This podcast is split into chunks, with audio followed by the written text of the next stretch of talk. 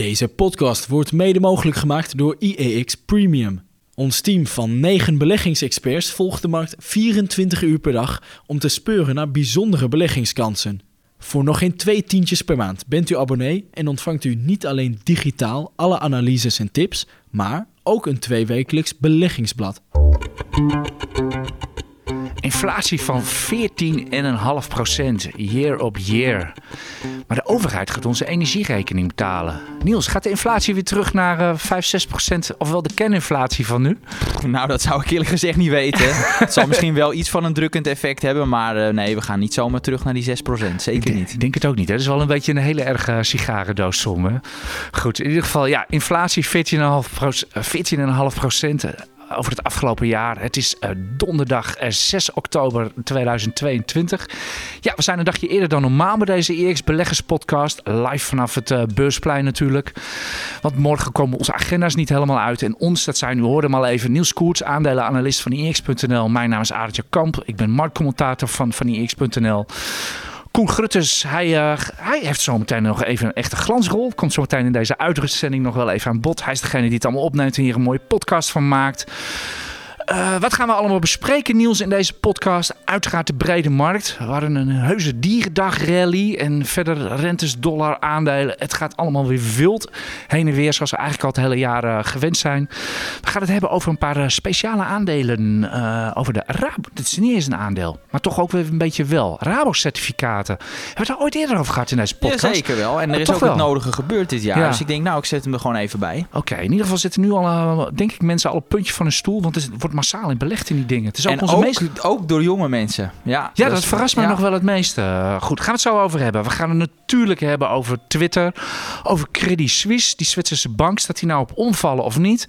Ja, we gaan het hebben over Arcadis. Dat doet al een derde overname in vrij korte tijd. We hadden vanochtend Shell met, ja, was het nou een winstwaarschuwing of was het geen winstwaarschuwing? In ieder geval Q3 was wat minder dan Q2. Gaan we zo meteen een beetje over hebben. Dan, ja, het is, op een beurs is het natuurlijk altijd wel ergens herrie. En nu is dat bij BNS Group is dat het geval. Daar, is een, uh, daar uh, ruziet het bestuur en de commissarissen ruzie elkaar de tent uit. Wat wil je zeggen, Niels? Nou, dat is, we hebben het nooit over dat bedrijf, maar het is daar één grote chaos. Dus ja, dan hoort het natuurlijk in de beleggerspodcast. Dus uh, luister vooral. Oké, okay, Twitter had ik al even genoemd, ja. ge, uh, geloof ik, met, uh, met Elon Musk. Uh, ja, die zit hier zo'n beetje... Je komt niet om die man heen gewoon iedere, iedere week zo ongeveer. En we ja, gaan het je... tot slot ook nog hebben over een beursgenoteerde voetbalvereniging. Maar nee. we gaan niet zeggen welke dat is. ik denk dat we het daar helemaal niet over gaan hebben, Niels. Ik denk dat het buiten de tijd gaat vallen. we gaan het zien. we gaan het zien. In ieder geval, eerst maar even. Wat was jouw nieuws van deze week? Nou, misschien toch wel het nieuws van vanochtend van Shell. Want ja, ik had hem niet op het lijstje winstwaarschuwingen staan. En als ik toen het bericht keek, zag ik dat de, de marges voor de raffinaderij die gaan halveren. En ook nog eens een keer hebben ze wat hogere uitstroom van netto werkkapitaal. Dus het was niet echt. Ja, je ziet ook het aandeel vandaag 4% stijgen of dalen. Dus het was toch wel een beetje onverwachts kwam dat bericht wat mij betreft. Uh, ik denk op zich niet onverwacht. Ik denk dat iedereen wel kon zien aankomen dat, dat Q3 niet zo goed zou zijn als dat, ja, dat wopping gewoon Q2. Met echte recordwinsten, recordmarges, et cetera. We hebben natuurlijk allemaal de olieprijzen en ook de gasprijzen. Dat is ook heel belangrijk voor Shell. Het wordt altijd olieconcern genoemd, maar het is een olie, gas en een, een nieuwe energieconcern. Dat is een veel betere naam voor. Ja, gas is voor meer dan de helft verantwoordelijk van de totale winst van Shell. Nou, hier, daar hebben we al een cijfer. En ja, dat kon iedereen zien aankomen. Maar ja, blijkbaar valt het de markt toch een beetje tegen. Dat, uh, dat inderdaad die raffinagemarges gaan van 28 naar 15 procent. Halveren. Ja, het lijkt, lijkt wel een chipper bijna dat het zo hard kan gaan. Shell is gewoon een heel cyclisch bedrijf wat, wat, dat, wat dat betreft. En wat mij opviel, want daar is natuurlijk Shell uh, heel groot in. En de afgelopen uh, tijd viel die naam ook heel veel meer. Er zijn namelijk veel partijen in de energiehandel die zijn, gewoon, ja, die zijn er gewoon uitgehandeld. die, die konden het niet bol in deze hoogvolatiele markten. Die zijn, die zijn klaar. En op de grote networks kom je altijd de namen van de, de goede handelaren tegen, zeg maar. Dat zijn Shell, Total, BP, Glencore, die namen kennen we. Maar ook Vitol en uh, Trafigura. En overigens Vitol en Trafigura, de mensen die er echt verstand van hebben, die waarschuwden deze week. De komende winter komen wel door. Maar de volgende winter, dat wordt een probleem. Dus onthoud dat even. Maar even terug naar, uh, naar Shell. Het viel dus ook het resultaat tegen bij, uh, bij de handelsdivisie. Dus gewoon echt de energiehandel. Dus in een brede lijn waren die cijfers wat minder dan verwacht. Nog steeds ten opzichte van een jaar geleden natuurlijk mooie cijfers. Maar het was, viel gewoon tegen bij ten opzichte van de verwachtingen van analisten. Dus en vandaar ook blijkbaar die koersdaling. Ik heb niet gekeken wat, wat bijvoorbeeld peers als Total Energies of BP doen. Uh, het kan ook best wel zijn dat, uh, dat sowieso, dat zie je wel vaker een dagje na, na een OPEC-besluit, dat, uh, dat de olieconcerns even wat minder, wat minder liggen. Moeten we er verder nog iets over, over zeggen? Over Shell? Nee. Ik denk het niet. Uh, ik heb zelf de aandelen. Ik, ja, ik haal mijn schouders op. Ik had natuurlijk ook liever een stijging gezien vandaag. Zo werkt het. Maar ja, dit, dit hoort er gewoon bij. Het de ene kwartaal is gewoon veel beter bij Shell dan het andere kwartaal. En zo gaat het al uh, nou, 140 jaar zo ongeveer bij dit concern. En, door, en altijd door de jaren heen weten ze daar altijd een hele mooie aandeelhoudersreturn uit, uit te halen. En dat is natuurlijk het beroemde dividend van Shell. Tegenwoordig is het meer aandelen inkoop dan dividend, zo wat. Maar het is denk ik helemaal niet vervelend. Uh, bij deze koers. Uh, ik zou zeggen, wen er maar aan. Zo gaat ja, het, zo gaat kijk, het bij Shell is natuurlijk altijd afhankelijk ook van de marktprijzen. En zeker in deze markt zijn die zo volatiel dat je ook mag verwachten dat die cijfers van Shell, die winstcijfers, ook volatiel zijn. Dus dit hoort er nou eenmaal bij. Ja, jij noemde even het, even het werkkapitaal. Ik, ik heb niet exact naar die, naar die update van vanochtend gekeken. Ik kijk alleen maar naar de nieuwsberichten op Bloomberg en, en, en Reuters. Dat werkkapitaal, heeft dat misschien te maken met dat ze meer marge, margin moeten storten bij brokers? Dat is wel uh, het meest logische scenario. Dat hebben we natuurlijk in eerdere podcasts ook al gezegd. Van nou, uh, hou daar wel rekening mee dat omdat die, die markt zo volatiel is, dat je dus met name bij trading dat je wat meer marge moet aanhouden. En dat gaat op korte termijn nou eenmaal ten koste van je netto werkkapitaal, omdat je nou eenmaal wat meer cash ja, in, in je bedrijf moet, uh, moet houden. Oké, okay, ongeveer over een maandje, maandje denk ik zo ongeveer. Het zal rond uh, ergens op de grens van oktober en uh, november zijn. Shell natuurlijk met de, met de volledige rapportage. Op 19 oktober, dat komt al snel dichterbij. Dus over twee weken zijn we ASML als eerste echte, echte ijsgrootmacht die met Q3-cijfers gaat komen. Ja, volgende week wordt het al heel rustig dat we wat omzetcijfertjes gaan, uh, gaan zien van wat, wat kleinere bedrijven. Maar echt vanaf ASML, dat is de derde week van oktober, dan brandt het echt weer, barst het weer helemaal los. En dan mag je ook van ons, van ons als analisten weer heel veel updates en premium updates uh, verwachten. Ja. Omdat wij zitten er wel echt bovenop. We proberen op het moment dat een bedrijf met cijfers komt, toch wel zo snel mogelijk gewoon een goed inhoudelijke analyse te maken. Nou, moeten we dat betreft jouw credits geven. Jij weet daar vaak nog vol beurs mee te komen als er cijfers zijn. Ja, dus, dat, uh, nou, dat is niet een doel op zich. Je wil aan de ene kant wil je, zo snel, wil je zo snel mogelijk zijn, maar aan de andere kant moet dat niet ten koste gaan van de inhoud. Dus het hangt altijd een beetje af van het bedrijf zelf. Er zijn nou eenmaal bedrijven die wat moeilijker zijn om te analyseren dan Shell de andere. Bijvoorbeeld. Shell is heel, nee, dat is onmogelijk om dat voor beurs te doen. Dan, dan kan je dat echt pas om twee, drie uur verwachten. Omdat dat zo, dat is zo lastig om die cijfers te interpreteren. Dus dan heeft de analist meer uh, tijd nodig. Maar bijvoorbeeld bij de bij verzekeraars is het vaak ietsje makkelijker. Zijn wat kortere updates. Bij groeiaandelen is het vaak, zie je het vaak ook vaak in één oog. Ja, dat zie je het ook redelijk snel. Dus dan kan, je, dan kan je er iets korter op de bal zitten. Dus dan ben je wat sneller. Maar aan de andere kant, ook bijvoorbeeld bij de brouwers, is toch ook altijd wel, zeker App InBev, weet ik uit eigen ervaring, dat daar heb ik echt wel tijd nodig om naar die cijfers te kijken. Dus ja, dus, dus ik, we willen aan de ene kant snel zijn, maar dat mag dus niet ten koste gaan van de kwaliteit van de analyse. Dus daar, daar schippen je altijd een beetje tussen. Ja, oké. Wees sowieso nu eigenlijk al, als je echt in individuele aandelen zit, sowieso al alert de komende tijd. Want we zitten echt in het winstwaarschuwingsseizoen. En uh, nou, we hoeven natuurlijk niets te vertellen over alle problemen die er zijn in de wereld. De wall of worry op de, op de markten. Er kunnen best nog wel meer winstwaarschuwers komen. Ja, ja, van de week had jij een stuk uh, nieuws uh, bij onze PAX van uh, vijf bedrijven die u echt niet moet hebben in deze bear market. Ja, deze week, Zijn, ja. mag, mogen we daar ook winstwaarschuwingen van verwachten? je gaat de namen niet allemaal noemen. U moet nou, het artikel maar gaan lezen. Maar so, sommige tipje van de sluier. Nou, kijk, een winstwaarschuwing. Kijk, bij sommige bedrijven is überhaupt geen sprake van winst. Dus kun je dan nog met een winstwaarschuwing komen, is dan de vraag. Uh, nee. Ja, sommige zijn, je hebt dat bij sommige bedrijven, een, een, een voorbeeld als Vivorion, die geeft natuurlijk geen winst vooruitzicht, want ja, dat slaat nergens op. Ja, bij de, de, de, kleine biotech ja. uh, Vivorion, waar, waar, waar, vorige week veel reuring in was. Ja, die moet je wat mij betreft nu niet hebben, maar uh, de, leg me, ja, de toelichting staat dan in het artikel, maar dat, ja, dat zie ik toch wel echt als gokaandeel. En meestal, het kan altijd goed gaan, maar, maar 9 van de 10 keer zijn dit soort aandelen op lange termijn niet de place to be. Uh, nee, dat is sowieso natuurlijk bij biotech bedrijven is dat, is dat, heeft altijd hoog gokgehalte. Dat zie je ook maar Farming Galapagos bij ons. Uh, ja, Onward vind ik een beetje twijfelgeval. Er is ook veel te doen trouwens de laatste tijd. Het is eigenlijk een Belgisch aandeel. En eigenlijk geldt dat ook wel een beetje voor Galapagos natuurlijk. Hè. Het is sowieso... Biotech is niet echt groot in, nee. uh, in Amsterdam. Daar kunt u beter voor in, in Brussel en, en, vooral Parijs zijn. Daar is het helemaal bal.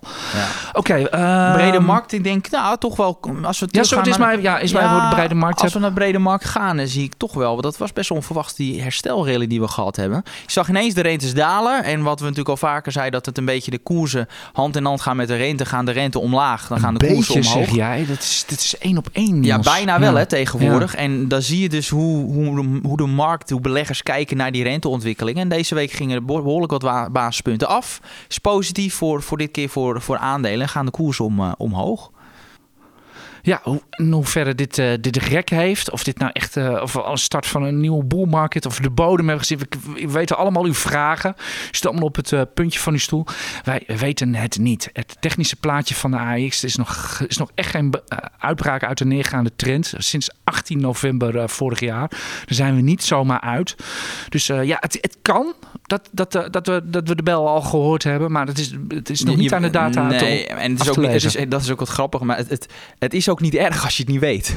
Want op, op, op, lange termijn zijn aandelen gewoon de place to be. En dan maakt het echt niet uit dat jij een paar maanden te vroeg bent of een paar maanden te laat. Het- het- Waar het om gaat is dat je meedoet. En als je meedoet ben je wat mij betreft al een winnaar. Nou, niet dit jaar. Maar op lange termijn wel. Eh, daarom ben ik ook altijd belegd, want dan mis ik de bodem niet. Nee, en klopt. eh, ik, ik, ik zag het van de week ook, ook weer bij ASML. Die ben ik zelf aan het kopen op de daling. Gewoon heel, heel dom. Eh, koop ik die gewoon min 10, min 20, min 30, min 40 heb ik gekocht. Ik zat van de week te kijken. Het stond op min 419 kwam voorbij. Ik zat wat te kijken. Oh jeetje, ik kan misschien vanmiddag nog wat bijkopen. Ergens onder 400 in dit tempo. Inmiddels staat er weer 470. Ja. Dus zo snel gaat dat. Dus u kunt wel gaan eh, bij uzelf gaan bedenken van ik ga de bodem kopen in de, in de aandelen of wat dan ook. Voordat het doordringt dat de bodem is gevallen en dat u zelf overtuigd bent, kan het zijn dat we echt drie, vier jaar verder zijn. Dat is echt in, in, in 2009 is dat ook gebeurd. Er waren mensen in 2013 en 2014 waren nog aan het roepen dat de, dat de echte kracht nog moest komen. En dan heb je dus echt het gros van de winst heb je gewoon gemist. Ja, dat is een keuze. Ik probeer, probeer de bodem aan te bellen, probeer maar all in te gaan. Ik doe het niet. Ook natuurlijk omdat die markten vaak zes tot negen maanden vooruit kijken. En dat is ook waarom je vaak ziet dat zelfs in een recessiejaar gemiddeld gezien de beurs nog met 1% stijgt. Dus het is weliswaar veel minder dan gemiddeld. Maar omdat dus vaak al een groot deel is ingeprijsd, kan dus zelfs een beurs in een recessiejaar omhoog. Eh, dus ja, Ja, en we zitten echt wel in een recessie hoor, nu. Als je, als je van de week de inkoopmanagers in diensten zag. eh, Amerika wel goed overigens, dat, dat viel reuze mee. Maar als je bijvoorbeeld Duitsland ziet, en eigenlijk ook bij ons, onze Navy inkoopmanagersindex, drie punten gedaald tot onder 50. Dat is de neutrale grens van expansie en, en stilstand. en krimp En natuurlijk. Ja, met name, en dan zie je met name de nieuwe orders. Daar begint natuurlijk de economie mee. Met, met een, hè, je belt om een order, je wil iets kopen. Daar begint het allemaal mee. Dat is gewoon echt aan het kelderen. En de voorraden lopen op. Dat, is, dat heet een eh, double whammy, eh, Niels. Ja, nee, dat is niet, eh, niet het bericht wat je wil horen. Oh, maar ook dat hoort er nou eenmaal bij. Je hebt als in een economische cyclus heb je nou eenmaal de pieken en de, en de dalen. Dus laat je hier nou alsjeblieft niet gek door, door maken. In ieder geval ik niet. Ver- verander jij iets aan je, Nee. aan je beleggingsstrategie? Nee, dat heb ik ook in de vorige uitzending Ja, ook al week besproken. Dus al als, je- als je dat wil weten, kun je altijd nog de vorige aflevering terugluisteren. Maar nee, ik verander. dat- De kern is dat ik mijn strategie niet, niet aanpas hierop. Nee, ik idem dito. Ik blijf gewoon... eh, ik heb van de week... Op, ik had heel erg mazzel geloof ik. Op de 4 heb ik de AX gekocht. Dus ja, en zul je zien dat je de volgende maand... koop ik ook weer op de 4. Het is een vaste orde die iedere maand gewoon uitgaat. Dat ik de AX weer op een, een of andere top koop of wat dan ook. Nou ja, Maar- dat is dus, dus je hebt ook op 4 november 2021 gekocht. Nou, dat was een beetje de piek. Dus, ja, eh, dat was de top in de markt. En 4 ja. december. Dus ja, dat, dat hoort erbij. Als, jij, als je periodiek, periodiek eh, belegt, dus steeds iedere maand wat bijbelegt, ja, heb je zowel de pieken als de dalen. En dat is, dat is, ja, dat is gewoon prima. Ja, en de- deze manier van beleggen is natuurlijk ook van dat je geen oordeel hebt over de markt. Hè? Je oordeelt niet of, of die nou op een top staat of, of neergaat is of wat dan ook. Je koopt hem gewoon en je komt uiteindelijk gewoon op het gemiddelde lijntje uit. Ja, je hebt natuurlijk altijd je lekkages met je kosten en eh, noem alles maar op en je taxes, et cetera. Maar dat is nou eenmaal helaas zo. Daar hebben, we- daar hebben we mee te maken. Moeten we verder nog iets over de brede markt opmerken, Niels? Nee, dat is of, niet eh, zo, verder niet zo heel misschien nog over de nieuws. valuta of wat dan ook, de, de dollar of zo. Pariteit, ja, het, het is Ja, iets gisterochtend stond bijna pariteit op bord. En drie uur later staat er gewoon weer 0,985. En dan hebben we Ja. het over euro-dollar. Grootste valutapaar ter wereld. Doe mij maar gewoon die pariteit, is lekker makkelijk rekenen. En vanaf daar gewoon geen, eh, geen veranderingen meer. Je wil de valutamarkt gewoon, fi gewoon fixed hebben. Ik weet niet of dat zo'n goed idee Nee, dat is. gaan we maar niet doen. Nee, dan krijgen we daar ook een prijsplafond in. Eh, ik ben, ik, prijsplafond is oké, maar daar hoort, toch, daar hoort toch ook een distributie bij dan? Wat vind jij? Even tussendoor, wat vind jij eigenlijk? Van dat, van dat Nou ja, ja, in ja, Nederland? bijvoorbeeld bij wat we nu bij energie hebben. Als er een prijscap is, dan vind ik dat, er- dat het eigenlijk ook op de bom moet. Ja, maar ja, dit, was, dit is een hele lastige situatie. Ik denk niet dat wij ons daaraan moeten wagen. Dat, laat dat maar aan de politici over. En wij gaan het gewoon over de, over de markt houden. la- la- laten, we, laten we dat inderdaad maar doen. Laten we het ook maar niet gaan hebben over waar die, waar die energierekening die nu volgens betaald wordt, waar dat geld vandaan moet komen. maar laten we maar, maar ik, in ieder geval, ik hoop wel dat de kredietboeren Moody's, S&P en Fitch eh, niet meekijken. Want, eh, want dit soort grappen kan ons nog wel eens onze AAA-status Ja, want wij hebben een trip, als Nederland zijn hebben we een triple-A-rating. Dat is de hoogste rating die maar denkbaar is. Ik geloof dat daar ook al... Er is, er, dat is ooit verlaagd. Ja, één keer is ooit een kredietbeoordelaar... Ik geloof in de crisis die het heeft verlaagd naar dubbel A. Maar ze hebben Ja. nu weer triple-A. Ja, dat was dacht ik Fitch die het verlaagd heeft. Ja. Ja, maar, verder, ja. maar, maar en mocht dat gebeuren, ja, dan is het natuurlijk een soort- soort van wel een motie van wantrouwen ten aanzien van de minister van Financiën. Maar, maar eh, nee, als het goed is, ik, we hebben daar geen signalen van dat, eh, dat de Nee, nee, nee, maar kredietwaardigheid dan moeten van dit, Nederland dit soort grappen van, van dit soort eh, gaten in de begroting van 25, 20, 25 Ja. miljard die niet, die niet gedekt zijn, Nee. Niet vaak mee, eh, Nee, mee aankomen. En die AAA-status is echt heilig. eh. Hij is heel belangrijk, want hoe hoger je kredietwaardigheid eh, tegen een, la- een lager rentepercentage je als staat kan lenen. Dus dat is alleen maar voordelig voor ons als overheid. Daarom ben ik altijd wel van de school, zorg er nou goed voor dat je huishoudboekje op orde is. Want dan hoef je ook minder rente te betalen. En dan hou je als overheid ook weer meer geld over om te investeren in, je, in de maatschappij. Precies, en daarvoor betalen we uite- uiteindelijk natuurlijk gewoon belastingen. Je kunt, het ook gewoon, u kunt het ook gewoon zien bij ons op de site, in onze artikelen. Hebben dagelijks hebben we alle rentes. En dan ziet u ook gewoon het verschil tussen Nederland en bijvoorbeeld Italië, Spanje en, eh, en, en Griekenland. Dat scheelt hele procenten en dat zijn miljarden op jaarbasis. Oké, zo gauw naar de... Nee, we hadden nog een cijfertje vanochtend. Daar kwam jij mij aanzetten net. Huizen. Ja, dat is waar. Ja, daar kwam eh, inderdaad eh, met name de, de huizenprijzen. Jazeker, want de huizenprijzen dalen. En niet Ook dat nog, Niels. Worden we En- daar ook nog En, geraakt? en niet zo'n klein beetje ook. 6% op kwartaalbasis. Nou ja, is ook niet, is niet onlogisch. Want als de rente zo hard stijgt, ja, wie gaat dan? Ga je niet meer. Dan kun je überhaupt niet eens meer de hoofdprijs betalen Nee, voor de, de, een, die eh, hypotheekrentes woning. zijn, eh, zijn verdubbeld tot verdrievoudigd eh, dit jaar. En dan, ja, ja, ik vind zelf dat je bij, bij huizenprijzen, iedereen heeft het altijd over die kale huizenprijzen, dat die eh, hoog zijn, een bubbel. Je kent al al het jargon. Je moet naar de maandlasten kijken, vind Ja. ik. Naar de gemiddelde maandlasten die iemand heeft. En En die waren nog steeds laag, ondanks die hoge prijzen. ja, precies. En die, die zijn nu, ondanks die, die, die, die daling van 6%, is het nu duurder om een huis te kopen dan een half jaar geleden. Ja, dus die de mensen die hypotheekrentes zijn gewoon... eh, voor de mensen het worst case scenario is dat je dus in november of, of begin dit jaar koop je een woning en als je dan met variabele rente hebt gedaan, dan word je aan alle kanten gepakt. Maar de meeste mensen, eh, ik weet, ik heb zelf ook in december nog een, een, een extra hypotheek op mijn woning gesloten. Ja, die, is, die staat voor 20 jaar vast. Voor één- dat was ook op het nippertje. ja, dat was in december. Dat was voor 1,6 procent. Ja, en nu is het, zou, als ik nu het, want ik heb wel eens gekeken, als ik diezelfde hypotheek nu zou doen, die aflossingsvrije hypotheek, ja, dan zou ik nu iets van 4,2 procent moeten betalen voor diezelfde looptijd. En nu is het 1,6. Ja, dat maakt enorm uit. Ja, ik betaal 1 1,8. Ja. En eh, dat is inmiddels is dat 4,5 geloof ik. Dus eh, dat zou Maar jij een- hebt hem ook vaststaan. Ja, ja, mij. Ja. Ik, eh, Dus- ja. dus dat is zou dus een ook- krater. Ja, voor 20 jaar ook. Dus dat dat is zou ook een krater in mijn maandelijkse uitgaven zijn. Dit is ook een van de belangrijkste redenen waarom ik zeker afgelopen jaar kies voor, voor lang vast. Omdat je dan die zekerheid hebt. Eh, dat, nou, dat in, in het geval dat, dat er zoiets als nu gebeurt, dat je, dat je die lage maandlasten hebt. Ja, en met een inflatie van, eh van 14,5% los ik geen cent extra af. Want Eh, de inflatie vreet mijn schuld wel op. Ja, en, en natuurlijk is het zo dat door de rentestijging zijn ook de waarden van zijn de, zijn de aandelen gedaald in waardering. En dan, dan krijg je daardoor een verhoudingsgewijs een stukje meer, een groter deel van de winst. Dus zal dat het rendement op lange termijn weer vergroten. Dus dat maakt een extra reden om juist dan nu in aandelen te gaan. En niet je huis extra af te lossen.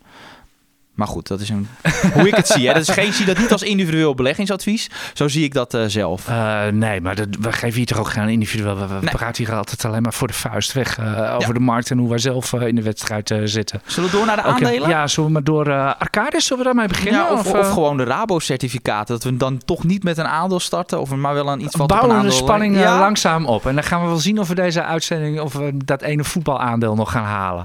Dus oké, okay, we beginnen met Rabo. Ja, nou ja, wat ik weet is dat sowieso is het de meest bezochte uh, pag koerspagina bij EX. Dus we weten dat veel mensen in die Rabo-certificaten ja, nou, dat zitten. wil wat zeggen hoor. Ja. Maar ook onze luisteraars, daar kwam ik dan weer achter op de beleggersdag. Dat gewoon best wel een aantal mensen die van onze vaste luisteraars die daar naartoe gingen, die lieten hun eigen portefeuille aan me zien. Daar zat stevast die Rabo-certificaten zaten erin. Ja, en helaas, ik, ja, toch min 30%. Dus nog slechter gedaan dit jaar dan aandelen. En dan zie je dus wat de impact is van een stijgende rente op dit soort obligaties. Want wat is nou, zijn die Rabo-certificaten? Dat is een achtergestelde eeuwigdurende obligatie. Dus met een ja, oneindige looptijd. En, en leningen met een zeer lange looptijd. Op het moment dat dan de rente stijgt, gaan die extra hard omlaag in koers. Klopt. En dat is ook wat je gezien hebt bij de Rabobank certificaten. Dus die coupon die bedraagt gewoon 6,5% per jaar. Dus dat, is, dat blijft hetzelfde. Maar ja, de beleggers zijn gewoon minder bereid om voor deze obligatie te betalen. Dus daalt, uh, ja, daalt effectieve, de effectieve rente op dit 7%. moment? Dus dat is dus, hij noteert dus onder die neutrale grens ja. van 100. Dat betekent dan, dat stel dat die afgelost zou worden op 100, dan krijg je nog wat koerswinst. Dus vandaar ook dat die effectieve, ren, het effectieve rendement 7,1% bedraagt. Uh, en dat was dus uh, de laatste jaren lag dat gewoon fors onder die 6,5%. Soms was het maar 4,8 of 5. Dus dan zie je maar wat, uh, ja, waar zo'n rentestijging toe leidt. En ja, heel veel mensen hebben deze producten. Ik ben daar zelf minder liefhebber van. En dat heeft eigenlijk een hele simpele reden. Eén, natuurlijk extreem achtergesteld. Wat betekent dat je als laatste, als een bedrijf failliet gaat, dat je aan de, als laatste aan de beurt bent om een betaling te krijgen. Hetzelfde ten, risico als aandelen dus. Juist. En ja. ten tweede, en dat vind ik nog veel belangrijker, dat er letterlijk staat in die voorwaarden: de raad van het bestuur kan op ieder moment beslissen of er wel of geen uitkering kan plaatsvinden. En dat laatste maakt waarom, ja, dat, dan, dan ben ik al wat sneller weg. Kijk, stel dat dat die Dat is vrij dus recent een keer gebeurd. Ja, gelukkig toen in corona, toen ja. hadden ze niet betaald. Daarna is het ook mede door een actie van ons, zijn mensen, hebben ze alsnog voor gekozen om wel dan die gemiste coupons alsnog uit te betalen. Ja. Overigens zei Rabo, ja, wij willen wel, maar het mag niet van de ECB. Ja. Daar kwam het een beetje op neer. Ja. Vonden wij wat ver gaan, maar goed. Dus het geeft aan hoe risicovol deze zijn. Dus als je deze dingen neemt, zie dit dus echt als een zeer risicovolle belegging en niet als een veilige obligatie. Want dat is echt een, verkeerde perceptie die sommige mensen van dit product hebben. Ja, daarom ben ik dus zelf ook, ook, geen fan van, van deze dingen. Want inderdaad, het noteert, we praten erover als een. Uh, het is echt een obligatie wat dat betreft. Maar je hebt inderdaad het risico van, van een aandeel. Want inderdaad, bij een aandeel ook. Uh, de raad van bestuur kan ieder moment beslissen of ze, of ze dividend passeren of niet. Hè, Randstad bijvoorbeeld uh, doet dat nog wel eens. Uh, doet dat nog wel eens. En niet dat dat er nu aan zit te komen, maar dat schiet me gewoon even te binnen ja. als voorbeeld. Uh, er is toch twee keer in de afgelopen tien jaar. Dus ja, dan denk ik, ik, ik, ik snap dit product niet. Iets is een obligatie of een, of een aandeel. En dan heb je dit een soort van, van rare mengvorm. Ik, ik vind het een heel vreemd product. Ik, heb, ik zit er zelf niet in. Nee, maar veel ik mensen hebben natuurlijk vanwege die coupon ja. die over het algemeen iedere keer wordt uitbetaald. Dus zien mensen het een soort van als vaste inkomstenbron. Alleen zo kun je dat nou eenmaal niet zien. Ja, nou oké. Okay. Laten we. Laten, uh, ja, moet je die dingen nog hebben of niet, uh, nou, Niels? Of gaan, we, of gaan we niet echt. Nou, we, we, hebben wel. Zullen we gewoon het advies laten aan onze analist Martin Krum als ja. mensen naar het artikel gaan? Ja, doe dat maar even. Ja. Okay. Maar mensen weten onze mening eigenlijk al, maar goed. uh, maar dat wil niet zeggen dat Martin dezelfde mening heeft. klopt. Credit Suisse. Ja, want daar was toch wel nieuws. Want ja, wat, wat stond daar te Ja, valt de bank om of niet? Want dat ja. is ongeveer de vraag ook die we ook. nou ja, op uitnodiging hebben aan u hebben. We hebben die vraag natuurlijk, vragen natuurlijk altijd. Ja van wat wilt u horen in deze podcast? Credit Suisse komt er. Valt de bank om of niet, uh, Niels? Dat is wat iedereen wil weten. Ja, nou ja, waaraan kun je het een beetje zien dat het aan de proble in de problemen is? Wat, wat met name interessant is dat die zogenaamde credit default nou, zeggen, beginnen gewoon eens met de koers. Dan word je al heel veel wijzer. Ja, dat is al een ding. Maar als je met name waar ik graag naar kijk, is die credit default swaps. En dat zijn dus die verzekeringen tegen een faillissement. En je ziet dat die, dat die swaps enorm omhoog zijn gegaan. Oftewel, de markt schat dus in, nou, er kan wel eens een faillissement, misschien aankomen. Of die kans is groter geworden. Die credit default swaps staan op het hoogste niveau sinds het omvallen van Lehman Brothers. Staan Dus zelfs dat, hoger. dus dat Ja. is echt serieus. Dat is serieus. Dus ja, eigenlijk is een, een grootschalige emissie eigenlijk onafwendbaar bij dit bedrijf. Ik zou hier echt Credit Suisse echt blij. Het, het- ik- we zien echt wel potentieel, maar echt blijf hier even van weg. Kijk goed wat er gebeurt. En dan beslis maar op het moment dat het wat beter gaat met het bedrijf. Lijkt het mij wat handiger om, eh, om dan in te stappen. Maar ik, eh, ik Jij zou dat een emissie nodig is. eh, ja, bijna onafwendbaar en ook grootschalig. Want ik denk toch wel, ja, als je kijkt naar de omvang van het, van het bedrijf, dan ja, moet toch wel misschien wel een kleine verwatering van 50% van het aandelenkapitaal. Dat zijn toch wel sommen waar, wat ik gelezen heb, wat wel realistisch is. Dus pas hier alsjeblieft mee op. Ga je niet blind op in eh, spelen. Ik denk, nou, ik denk ook niet dat die mensen heel erg staan te trappelen om in dit aandeel, eh, de aandeel te gaan beleggen. Ik hoop het niet. Nee, maar in ieder geval, eh, het zal niet direct omvallen, vallen die bank. Er is ook nog zoiets als een Zwitserse centrale bank. Die ik denk niet dat die zo'n instituut, want dat is Credit Suisse toch. Ondanks dat ze er gewoon, ja, laten we eerlijk zijn, gewoon al jarenlang niks van bakken. Met name het riskmanagement hebben ze gewoon niet op orde. Met de Archegos-affaire ze stonden ze op pole position. eh, gewoon, gewoon totaal geen, geen klanten gescreend, et cetera. Ongelofelijke blunders begaan. En eh, ja, dat zal flink gereorganiseerd worden. En eh, misschien een emissie, misschien komt er een zak geld van de SNB. We zullen, we zullen het wel zien. Maar ik, ik denk ook niet dat dit... want het, het is echt een Zwitserse instituut. Dat, dat, ik denk niet dat ze dat om laten vallen. Ik, ja, we gaan, we gaan het zien. Ehm, zullen we verder met Ja, Twitter? zo, ik doe nog even voor de vragen aan Arcades nee, of nee, Twitter? Nee, Arcades of, is of te we eerst leuk. naar de vragen Nee, gaan? de arcades doen we na de vragen. En dan gaan we gewoon snel even Twitter nog voor de vragen doen. Zullen we het zo doen? Oké, doen we nu Twitter. Ja, Musk, hij, hij is toch wat mij betreft de witte vlag. Of niet? En wie is hij? dat weet iedereen ja, natuurlijk al. de Tesla-topman natuurlijk Twitter. Tuurlijk, Elon Musk. Ja, ja ik, ik ben dan de analist van... eh, Never van- a dull moment, Ja. eh, Niels. Ja, nee, ik ben de analist van Twitter. Nou, ik zat helaas met mijn celadvies dit keer verkeerd. Eh, omdat ik had gezegd van, nee, ja, ga dit, ga dit. Ik had, mijn advies was in feite, ga hier niet op gokken dat, dat dit alsnog tegen de oorspronkelijke prijs gaat plaatsvinden. Het was een 50-50 verhaal. Ja, en als het bij een rechter is, dan, zijn we, Ja. dan, dan wordt het gokken en zijn we En niet het meer aan duurt het altijd beleggen. lang, dus dat is, dat is te veel gokelement die erin zit. Dus nou, ik had een wat meer conservatieve houding. Maar goed, dan zul je zien, nou, hij gaat het alsnog doorzetten tegen die oorspronkelijke prijs van 54,20.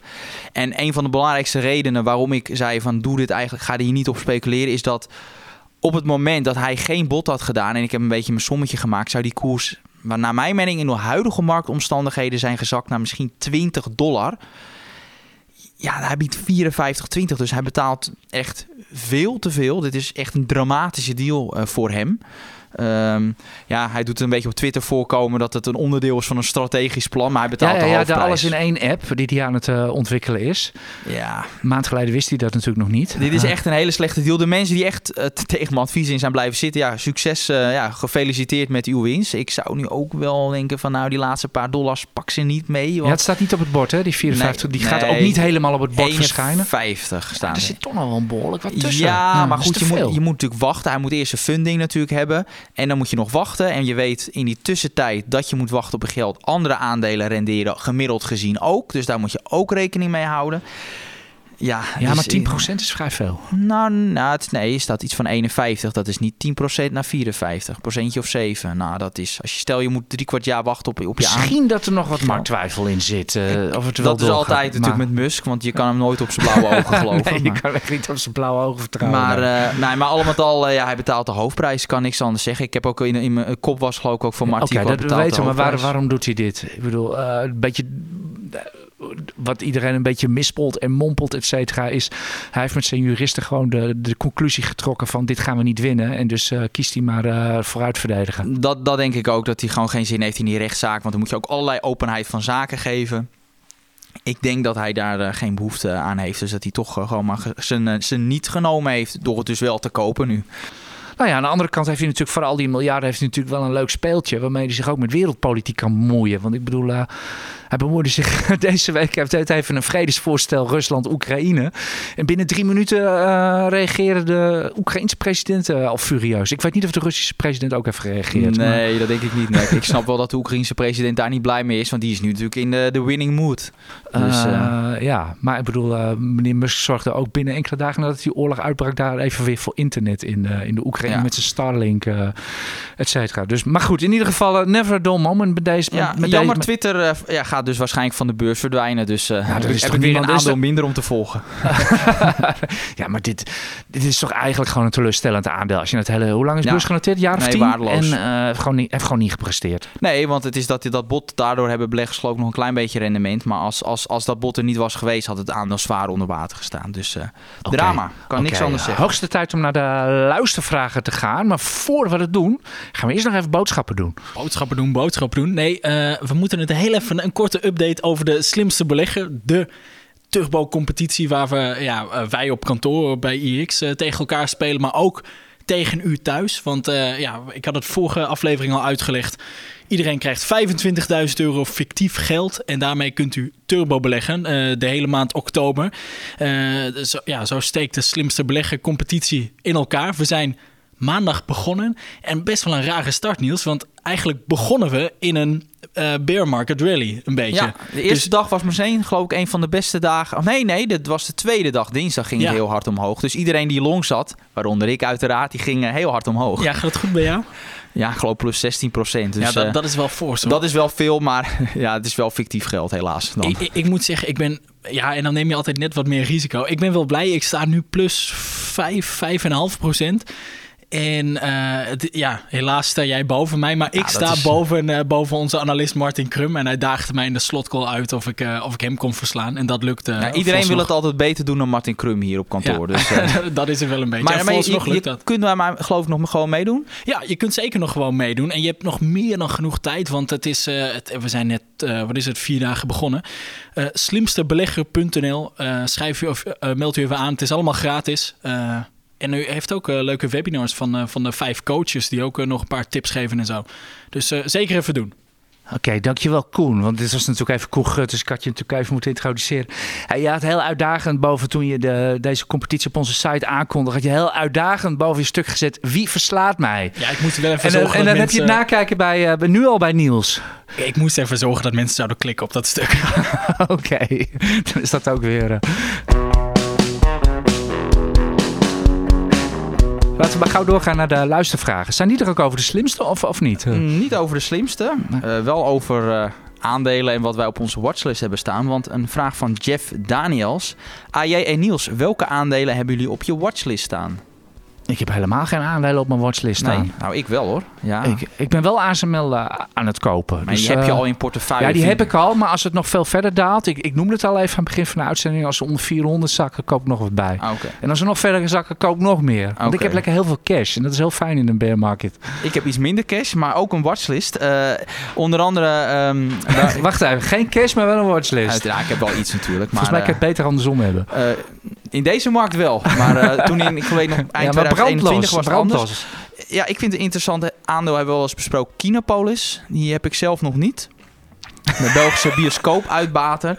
Die zit nu wel echt in een downtrend. Dus ik wil het eigenlijk... Fundamenteel vind ik hem al een koop. Alleen, ik wil even de koers wat laten uitrazen. En dat het dan het sentiment iets verbetert om hem dan op te pikken. Maar als die koers en, nou niet uitraast, uh, ja, dan, dan ben ik dus iets later dus. Dan, dan betaal ik dus een iets hogere prijs. Okay. Maar dat vind ik, niet zo, vind ik niet zo erg. Wat is bij jou het aankoopmoment eigenlijk? Ja, schiet me nu uh, zo te over binnen. Over het algemeen uh, wil ik liever niet aandelen die in een extreme downtrend zitten. Omdat, en dat blijkt gewoon uit allerlei studies ook, dat aandelen die het afgelopen zes maanden veel slechter dan de markt hebben gedaan, is de kans ook verhoudingsgewijs het grootst dat ze het komende jaar beneden gemiddeld presteren. Ja, Oké, okay, maar dat is al even allemaal de theorie, gewoon even de praktijk. Wanneer koop je aan? Kijk je naar technische trends, nou, et cetera? Fundamenteel is natuurlijk uh, bij mij leidend. Alleen het echte instapmoment, vaak uh, wacht ik dan wel totdat uh, dat er een soort van kleine haakje in de koers is, dat er dan wel een bepaald momentum inkomt in dat aandeel en dan, dan koop ik hem. Dus ik hoef niet per se helemaal, ik, ik koop meestal dus ook niet helemaal de bodem. Ik heb dan liever dat hij dan al al een klein beetje een stijgende trend zit, om dan het aandeel erbij te komen. Ja, ja, maar technische analisten hebben ook nooit de top of de bodem, want die wachten altijd Nee, op de bevestiging Dus- van dus de trend. Fundamentele analyse is bij mij echt leidend en het instapmoment kijk ik wel een beetje naar technische Ja, ja, analyse. maar je doet het dus ook niet zo extreem, zeg maar, als Warren Buffett, eh, natuurlijk, die heel bekend is.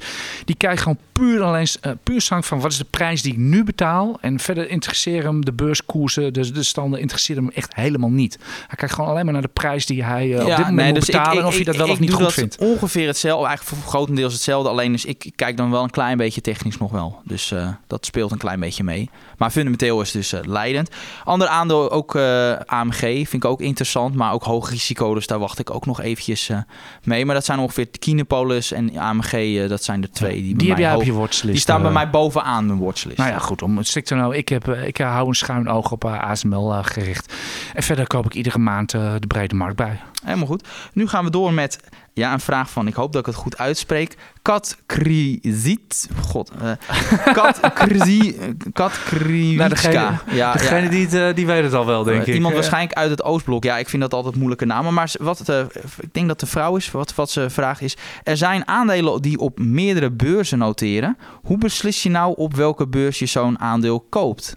Dat is een leuke. Ehm, gewoon niet als eerste kom bovendrijven in je zoeksysteem. Nee, dat is wel heel flauw. Nee, wat, dat, dat- is best wel serieus. Want het is echt een goede vraag. Dit is ook een serieus antwoord. Als Oh. ik bijvoorbeeld eh, in, eh, bij ons op de site of eh, in Reuters, als ik de naam van een fo- fonds intik, dan komt daar de voornaamste notering staat altijd bovenaan. En daaronder alle Ja. de rest, et cetera. Hè? Dus voeg ik, voeg ik bijvoorbeeld Shell in, dan komen Londen en Amsterdam staan Ja. als eerste. En daaronder dan New York en nog een hele reeks daaronder. Maar dus dat is al een eerste. Dat is al een indicatie, maar waar we echt naar moeten kijken. Dus inderdaad, meestal zie je dat dan ook verhandelbaarheid. Waar is de beste verhandelbaarheid? En twee, wat ook wel belangrijk is, is het een beurs waar je met jouw broker relatief weinig transactiekosten betaalt? Dat is een ding, want soms kan dat verschillen. Dat bijvoorbeeld als je een aandeel op de Duitse beurs koopt, dat je dan meer eh, transactiekosten hebt dan dat je hem bijvoorbeeld gewoon in, in Nederland koopt of in Amerika. Dus dat, dat, dat, dat, kijk daar dus naar. En ten derde, er zijn landen zoals Frankrijk, waar dus ook een transactiebelasting, en ik geloof dat het ook in het Verenigd Koninkrijk is, eh, dat daar een transactiebelasting is. Nou, dat soort la- landen mijt ik ook al graag. Dan kijk ik ook liever naar een alternatieve notering, waarbij je dan geen transactiebelasting betaalt. Want dat is vaak al zo'n 0,3% van je, van je omvang. Dus de drie dingen, is er wel of geen eh, transactiebelasting? Hoe zit het met de transactiekosten bij je broker? En de verhandelbaarheid van het aandeel. Die drie, dat zijn de belangrijkste zaken waar ik naar kijk. Uh, ja, en je slaat hier eigenlijk wel spijker op zijn kop. Want dat is ook de reden dat heel veel buitenlandse fondsen naar Amsterdam komen om hier genoteerd te staan. Want hier hebben we de minste van dat soort, uh, van dat soort regels en, uh, en heffingen, et cetera. Dus komen bedrijven graag hierheen.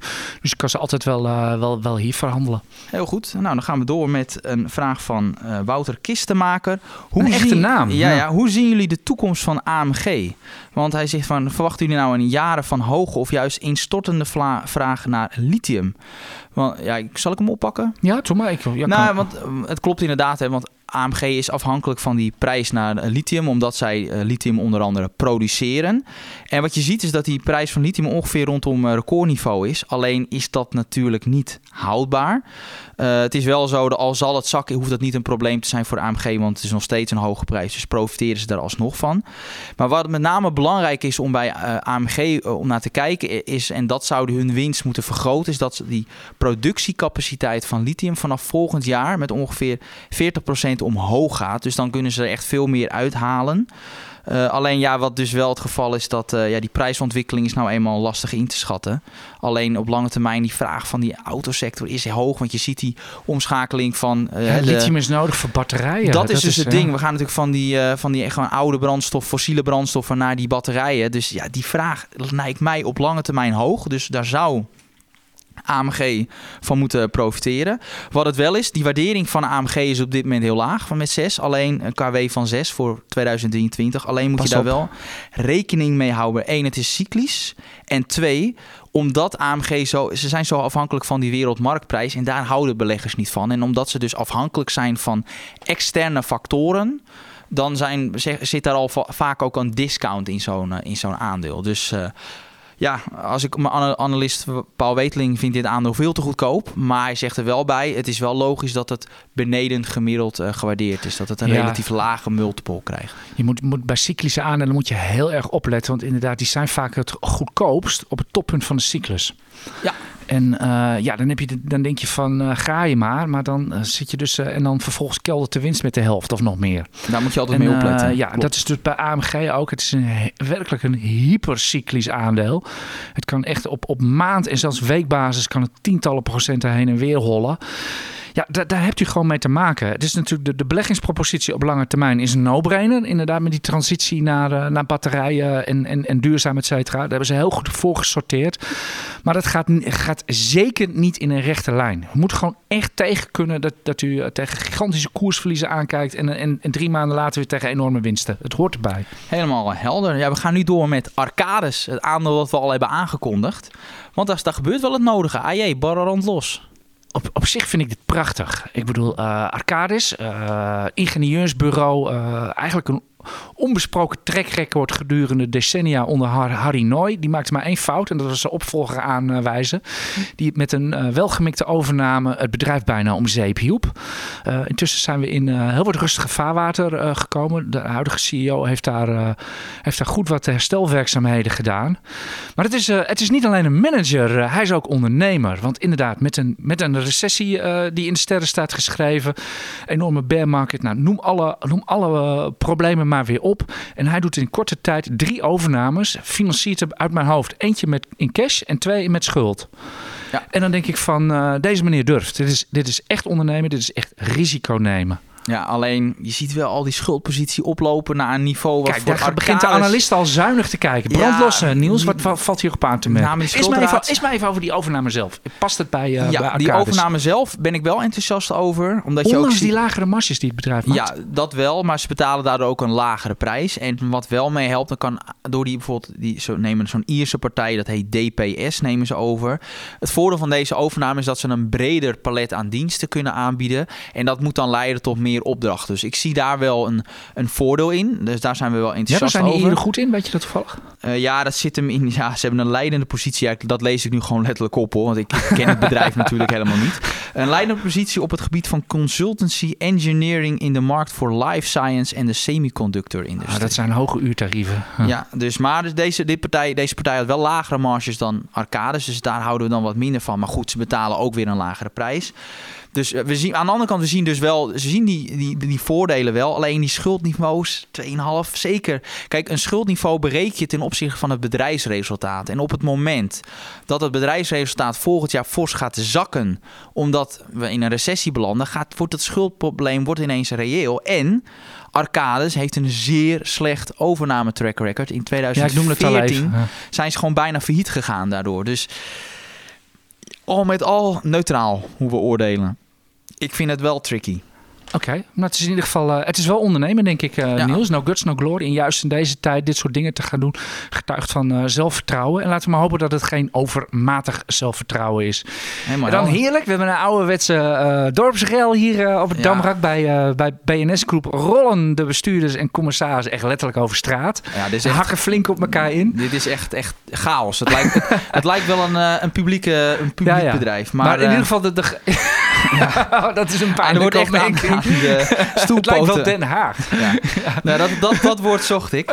Nee, maar het is één grote chaos. Nou, wat is BNS Groep om daarmee te beginnen? Dat is een groothandel in parfums, eh, dranken en medische producten. En ook zijn ze, wat je misschien weet op Schiphol, zijn het van, is het een uitbater van die tax-free eh, Ja, winkels. ze leveren ook aan cruiseschepen. eh, Alleen ja. operationeel gaat het echt heel slecht. Want in 2018 eh, zijn ze naar de beurs gegaan. En toen beloofden ze een groei van 11 tot 13 procent per jaar.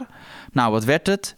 3,5 procent. Ja, kom op, corona. Dat is... eh, Nou, nee, maar dan bereken ik het met. Nee, ik reken het met de winst van dit moment. Dus dat corona-effect zou er al eh, redelijk uit eh, moeten zijn. En wat nog problematischer is, ze ja, maar je hadden noemde in. al vliegvelden en cruiseschepen. Ja, Als nee, het ergens ingehakt heeft... Weet ik, maar dat is nu al wel, komt wel redelijk terug. Ja, en die winst per aandeel was in 2018 72 cent. En nu wordt er verwacht 52 procent. Dus 30 procent minder voor een bedrijf wat naar de beurs ging als een beetje als groeibedrijf. Dus drama. En hoge schuld Verder ook nog. eh, zie de koers maar. Ja. Hoge schuld, ja, koers is twee derde eraf. Dus ja, die groot aandeelhouder die dacht van... nou, we gaan eens eventjes... eh, Kopen terug. we kopen het gewoon terug voor een veel lager niveau. En toen zei de Raad van Commissarissen van nou, eh, dat doen we niet. Dat staan wij niet achter. En toen zei die groot aandeelhouder Willem Blijdorp, die zegt van nou, ik wil gewoon dat de, de voorzitter van de Raad van Commissarissen opstapt en nog een ander lid van de Raad van Commissarissen, die moet gewoon weg, zodat ik het wel kan Het is overnemen. echt net de Tweede Kamer. Ja. Ja. En wat nog belangrijker is, dat eind vorige maand, of eind, ja, vorige maand was het zo dat die Peter Kruithof, de financieel directeur, al opgestapt om andere carrièrekansen na te jagen. Nou, dan weet je het wel. Oh, dat stond in het persbericht. Ja, dat en, een, we en, genoeg. en een andere eh, raad van commissarislid ging ook alweer per direct in september weg. Dus gewoon allemaal mensen gaan weg. Eh, een, groot aandeel die, o- aandeelhouder die overhoop ligt met het bedrijf. Dit is, Hoe loopt dit af, Niels? Ja, ja, ja, ja het, is, het is een soap. Ik, ja, ik, misschien toch met een overname uiteindelijk. Maar ja, als de raad van commissarissen het niet wil. Ja, aan de andere kant. Die grote aandeelhouder heeft wel veel invloed. Ja, die, eh, die, eh, die, is, die is wel groot aandeelhouder. Ja. Dan heeft het uiteindelijk wel voor te zeggen. Als ja. belegger is het natuurlijk wel fijn dat zo'n groot aandeelhouder kansen ziet. Want dat betekent dat het aandeel misschien wel te laag gewaardeerd is. Dat, dat zou kunnen. Ongetwijfeld. Maar, maar in dit soort... dus in je- die zin zou u heel speculatief gewoon een plukje op kunnen pikken. Heel ja, maar dat is opportunistisch. dan heel opportunistisch. Ja, want en dan, bent, is, dan bent u natuurlijk bent u aan het handelen, speculeren, gokken, geef het ernaar. Maar bent u niet aan het beleggen. Maar nee, maar maar goed, over het eh, algemeen is het toch verstandiger om in bedrijven te beleggen waar gewoon een sterk management zit. En dit is natuurlijk één, dit, dit is natuurlijk, dit is natuurlijk waardeloos. Eh, ja, want het bedrijf heeft genoeg problemen. En als de, als de top van het bedrijf zich met dit soort eh, elkaar de tent aan het uitvechten is, dan eh, operationeel kunnen ze daar beter zich Ja. op kunnen focussen. Ja, ze hebben het gewoon niet waargemaakt. Dus, dus nou ja, ik... Oké. Niels, ik kijk naar de klok en de tijd zit erop. Nee, nee, nee, er is nog wel tijd. Er is zeker tijd. Want eh, ja, wij hadden hem vorige week ook op het lijstje. Maar ik dacht na, na, na dinsdag dacht ik van nou, ik we laat hem gewoon hadden we hem vorige week maar gedaan. Ja, want Ajax. Ja, op man. Nou ja, moet dit nou? Ja. Nou ja, omdat ze kwamen met flauw, hè? Staan je ook een keer een blauwe maandag bovenaan? Dan moeten we het, eh, ja. Altijd. Niels is AZ-supporter. Ja, ja, nee, is, ja, goed. Ach. Nee, maar ik ben ook analist van Ajax. Ik kijk daar zeer neutraal naar. Dus echt, echt- ja, nee, dat wil ik wel benadrukken. Dat Ik moet echt vertellen dat hij met een enorme grijns staat, hoor. Ja. Nee, maar ik, ik wil natuurlijk. Ik heb daar Nou, echt een hele uitgebreide analyse voor staan. En wat mij met name bij Ajax opviel, eh, ook aan die cijfers, dat zij heel erg aanvallend voetbal spelen. dus eh, zij, als zij geen Champions League halen. Ja, dan gaan ze meteen met een operationeel tekort van 40, 50 miljoen zitten. Dat kunnen ze wel een jaartje hebben. Alleen, ehm, ja, dat is, het is zo riskant. En om hier als belegger bij zo'n bedrijf als dit, of eigenlijk een club als dit, om je daar ja, mee te bemoeien of daarin te stappen, dat is- ja, zou ik eerlijk gezegd niet doen. Ook omdat, en dat is wel het probleem van een voetbalclub, op papier, ja, die discount van, ik heb een intrinsieke waarde berekend, zit, de, de koers zit daar ongeveer 50% onder. Denk je heel aantrekkelijk. Alleen het probleem dus bij een voetbalclub is dat aandeelhouders niet op de eerste plek staan. eh, bij Nee, daarom, Ajax. want dan is alle cash voor ons. En, En, wat eh, je ziet, en dat is omdat, ja, ik vind het verdienmodel van Ajax, het is wel heel risicovol. Want als het dan pre- de prestaties tegenvallen, zoals dit jaar, ja, dan kun je er een beetje met de klok op gelijk stellen. Dat, Hoezo dat dit jaar? We zijn kampioen geworden, man. Ja, ik heb dit seizoen. Hè. Je ziet natuurlijk wel dat het allemaal wat Maar minder we zijn nog niet uitgezet. Nee, Liverpool, nee, Liverpool, nee. Liverpool moet hier nog langskomen. hè? Dat is, eh, dat is zo. Maar ik, ik, ik vind dat, ja, wat ik echt aan de cijfers zag, is van nou, ze staan er nog steeds goed voor. Maar ze nemen veel, met ieder jaar nemen ze meer risico om maar aan te kunnen haken bij die top. En uiteindelijk gaat dat, je weet bijna zeker, dat gaat een keer mis. En wie moeten dan betalen? De aandeelhouders. Dat is, tenminste, zo gaat het altijd bij de Ja, ja. Zuid-Europese je profiteert niet mee, onder Nee. van al die cash die er is, Nee. et cetera. Maar je, je, de risico's, eh daar daar deel je volop in. Nou, dus ik, en, en ook, oh ja, en dat tot en dan ben je slot- twee keer sneu. Wat ik ook nog wil zeggen, want in de media hoor je overal... naar Ajax heeft zo voor zoveel geld verkocht. En dat is allemaal geweldig. Maar wat ik gewoon zag, en dat kun je dan... Ja, dat zie je dan in het, in het, in het, in het pers... of in, in, de, in het jaarverslag op pagina 103. Hè, gebeurtenissen na balansdatum. Daar kijk ik dan weer naar.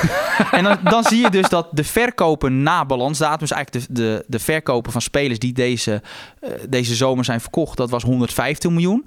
Maar als je dan kijkt aankopen na bal- balansdatum... 120 miljoen. Dus ze hebben voor meer gekocht dan verkocht. En dan zeggen mensen, ja, maar die Anthony is toch voor 100 miljoen wegverkocht? Ja, een bruto bedrag van 100 miljoen. Maar per saldo bleef er veel minder van over, omdat ze nog de opleidende club, dat stond er niet in. Maar wat, dus ik weet wel, dan moeten ze nog aan de, betalen, de opleidende club betalen, zaakwaarnemers. En bij dit soort buitenlandse spelers zie je vaak dat dan maar 60% of de helft maar van dat bruto bedrag echt naar Ajax gaat. En dan wordt hij ook nog eens een keer uitgesmeerd over meerdere jaren. Dus dit is, ja het is eigenlijk eh, gewoon uh, ja, niet zo'n hele goede zomer geweest uh, voor Ajax. En ik zie de risico's toenemen. Dus ik had niet voor niets... ja, Ajax balanceert op een dun koord. Het gaat nu nog goed, maar ja, de, dat, het, het is echt op wachten dat het een keer, uh, keer misgaat. Kortom, we moeten gewoon van Liverpool winnen. Uh, ja, ja, sterkte en ermee. uit bij uh, Rangers en uit in, daar in Napels. Ja, succes ermee, zou ik zeggen. Tegen wie moeten jullie? vandaag. Oh, je moet vandaag? Ja, we moeten vandaag. Ja, ik zag de supporters al in de stad. Apollon Limassol uit Cyprus. Nou, dat wordt een echte kraker. veel succes, Niels. En u wens ik heel veel succes. De, de komen morgen zelfs nog, en, want het is donderdag, morgen en komende week op de beurs. Uh, houd moed, ook al duurt de bear market zo lang. Geniet van het weekend en... Eens kijkt u terug op deze beurs en dan denkt u van wat was dit een fantastisch beursjaar, want er gebeurde zoveel. En zo gaat het, al, zo gaat het altijd. Prettig weekend en bedankt voor het luisteren. Nog even een reminder. Wilt u de analyses en kooptips van Niels Koerts en de acht andere beleggingsexperts ontvangen? Dat kan. Voor nog geen twee tientjes per maand bent u abonnee en blijft u digitaal constant op de hoogte van de nieuwste analyses en tips. Daarnaast valt er elke twee weken een gloednieuwe editie van het IEX magazine op uw deurmat. Meer weten? Ga naar iex.nl/podcast.